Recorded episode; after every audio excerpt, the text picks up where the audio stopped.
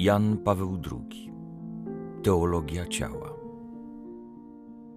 Dzięki sakramentowi ciała człowiek czuje się podmiotem świętości. kontynuując moje rozważania o początkach człowieka, o powołaniu mężczyzny i kobiety, o ustanowieniu małżeństwa oparte na tekstach z Księgi Rodzaju, dzisiaj dotknąłem już sakramentalności tego, co jest dziełem Boga. Ta sakramentalność wchodzi w świat widzialny przez człowieka, bo sakrament jest znakiem widzialnym.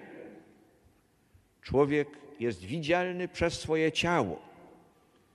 Ciało ludzkie nosi w sobie godność znaku. Znaku Bożej miłości i Bożej prawdy.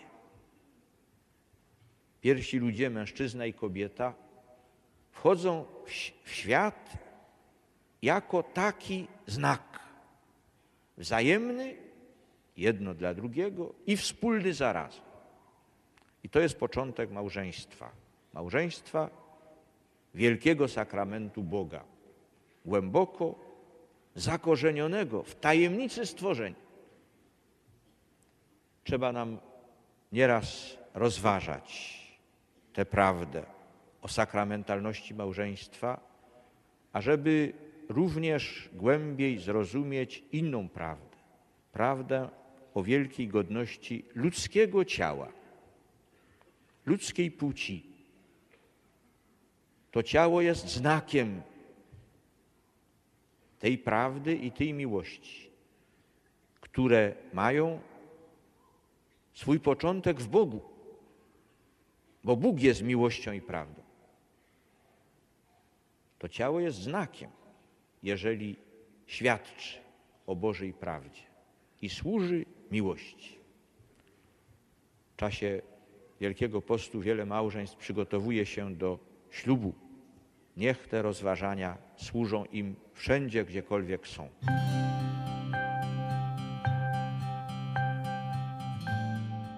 Il libro della Genesi rileva che l'uomo e la donna sono stati creati per il matrimonio. Księga Rodzaju stwierdza, iż mężczyzna i kobieta zostali stworzeni do małżeństwa.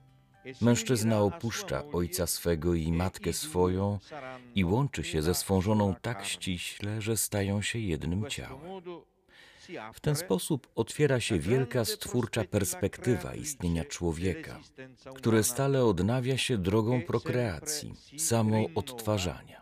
Perspektywa ta zostaje głęboko osadzona w świadomości człowieczeństwa, a także w szczególnym poczuciu oblubieńczego sensu ciała, w jego męskości i kobiecości. Mężczyzna i kobieta w tajemnicy stworzenia są dla siebie wzajemnym darem. Pierwotna niewinność ujawnia i oznacza zarazem doskonały etos daru. Zwróciliśmy już na to uwagę w poprzednim rozważaniu. Poprzez etos daru zostaje przynajmniej zarysowany problem przedmiotowości człowieka, który na obraz i podobieństwo Boże jest podmiotem. W opisie stworzenia niewiasta z pewnością nie jest tylko przedmiotem dla mężczyzny, choć stają oni przed sobą w całej pełni swojej przedmiotowości, jako stworzenia, jako kość z mojej kości i ciało z mojego ciała, jako mężczyzna i kobieta, oboje nadzy. Tylko nagość, która czyni kobietę przedmiotem dla mężczyzny i odwrotnie, tylko taka nagość jest źródłem zawstydzenia. Skoro zaś nie odczuwali wobec siebie wstydu, to znaczy, że kobieta dla mężczyzny nie była takim przedmiotem, ani też on dla niej.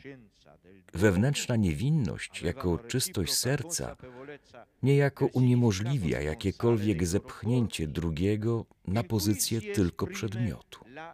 Skoro nie odczuwali wstydu, to znaczy, że byli zjednoczeni świadomością daru. że mieli wzajemne poczucie oblubieńczego sensu swoich ciał, w którym wyraża się wolność daru i wciąż dochodzi do głosu całe wewnętrzne bogactwo osoby jako podmiotu. Takie zaś wzajemne przenikanie się osobowych ludzkich ja, mężczyzny i kobiety, zdaje się podmiotowo wykluczać jakiekolwiek zepchnięcie w przedmiot. Tak odsłania się podmiotowy profil miłości, o której można zarazem powiedzieć, że jest najgłębiej przedmiotowa, gdyż żywi się wzajemnie samą przedmiotowością daru. L'uomo e la donna, dopo il peccato originale, perderanno la grazia dell'innocenza originaria. Mężczyzna i kobieta po grzechu pierworodnym utracą łaskę pierwotnej niewinności. Odkrycie oblubieńczego sensu ciała przestanie być dla nich prostą oczywistością objawienia i łaski. A jednak pozostanie ono nadal zadane człowiekowi poprzez etos daru zapisany na dnie ludzkiego serca, jakby dalekie echo pierwotnej niewinności. Z niego kształtować się będzie ludzka miłość w swej wewnętrznej prawdzie, swym podmiotowym autentyzmie. Z niego też człowiek, również przez zasłonę wstydu, będzie stale odkrywał siebie jako stróża tajemnicy podmiotu, owej wolności daru, broniąc jej przed jakimkolwiek zepchnięciem na pozycję bycia tylko przedmiotem. Per ora, tuttavia, ci troviamo dinanzi Na razie jednakże znajdujemy się jakby przed progiem ziemskiej historii człowieka. Mężczyzna i kobieta nie przekroczyli jeszcze tego progu w kierunku poznania dobra i zła. Są ogarnięci samą tajemnicą stworzenia. A głębia tej tajemnicy, ukryta w sercu człowieka, jest niewinnością, sprawiedliwością, miłością, jest łaską. Wiedział Bóg, że było bardzo dobre. Człowiek poczyna się w świecie widzialnym jako najwyższy punkt Bożego obdarowania, niosąc w sobie samym wewnętrzny wymiar, który jest wymiarem daru. W tym wymiarze przynosi na świat swe szczególne podobieństwo do Boga. Podobieństwo to przekracza i obejmuje również Jego widzialność w świecie, Jego cielesność, Jego męskość lub kobiecość, Jego nagość.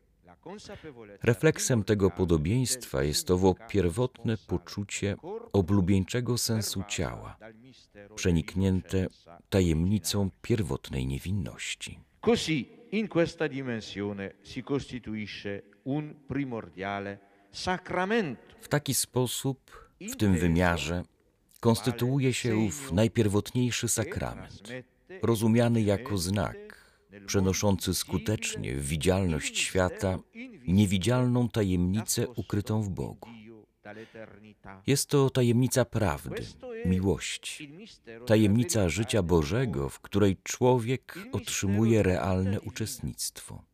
Pierwotna niewinność urzeczywistnia sam początek tego uczestnictwa w dziejach człowieka i ona też jest źródłem pierwotnej szczęśliwości. Sakrament jako znak widzialny konstytuuje się poprzez człowieka jako ciało, przez jego widzialną męskość i kobiecość. Ciało bowiem i tylko ono zdolne jest uczynić widzialnym to, co niewidzialne, duchowe i Boże.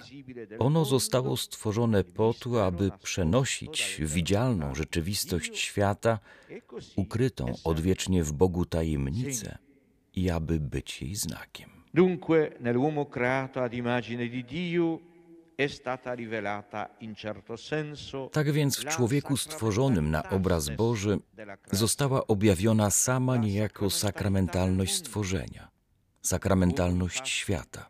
Człowiek bowiem przez swoją widzialność, przez swoją męskość i kobiecość staje się znakiem widzialnym owej ekonomii prawdy i miłości, której źródło jest w Bogu samym, ekonomii objawionej już w tajemnicy stworzenia.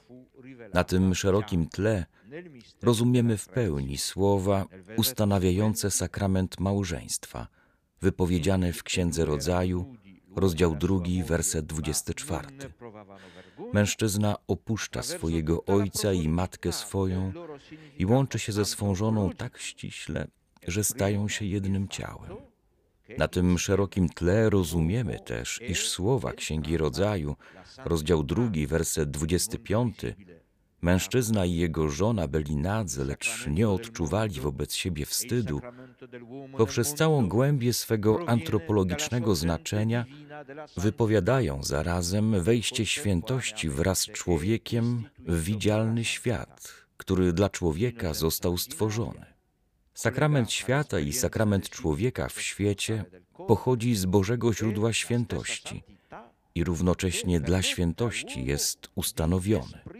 Pierwotna niewinność związana z poczuciem oblubieńczego sensu ciała jest równocześnie tą świętością, która umożliwia człowiekowi tak głęboko ujawnić się ze swoim ciałem i to właśnie przez bezinteresowny dar z siebie samego. Świadomość daru warunkuje w tym wypadku sakrament ciała. Człowiek czuje się w swoim ciele, jako mężczyzna i kobieta, podmiotem świętości. Con tale coscienza del significato del proprio corpo, l'uomo, quale maschio e femmina, Z takim poczuciem sensu swego ciała, człowiek, to znaczy mężczyzna i kobieta, wchodzi w świat jako podmiot prawdy i miłości. Można powiedzieć, iż Księga Rodzaju, rozdział drugi, wersety od 23 do 25, opisuje jakby pierwsze świętowanie człowieczeństwa w całej pierwotnej pełni poczucia oblubieńczego sensu ciała. Świętowanie człowieczeństwa płynące z Bożych źródeł prawdy i miłości w samej tajemnicy stworzenia. A chociaż wkrótce nad tym pierwotnym świętowaniem rozpostrze się horyzont grzechu i śmierci, to jednak już stąd, z tajemnicy stworzenia, czerpiemy pierwszą nadzieję tego, że owocem tej boskiej ekonomii prawdy i miłości, jaka objawiła się u początku człowieka, stanie się nie śmierć, ale życie i nie samo zniszczenie ciała człowieka stworzonego na obraz Boży, lecz wezwanie do chwały.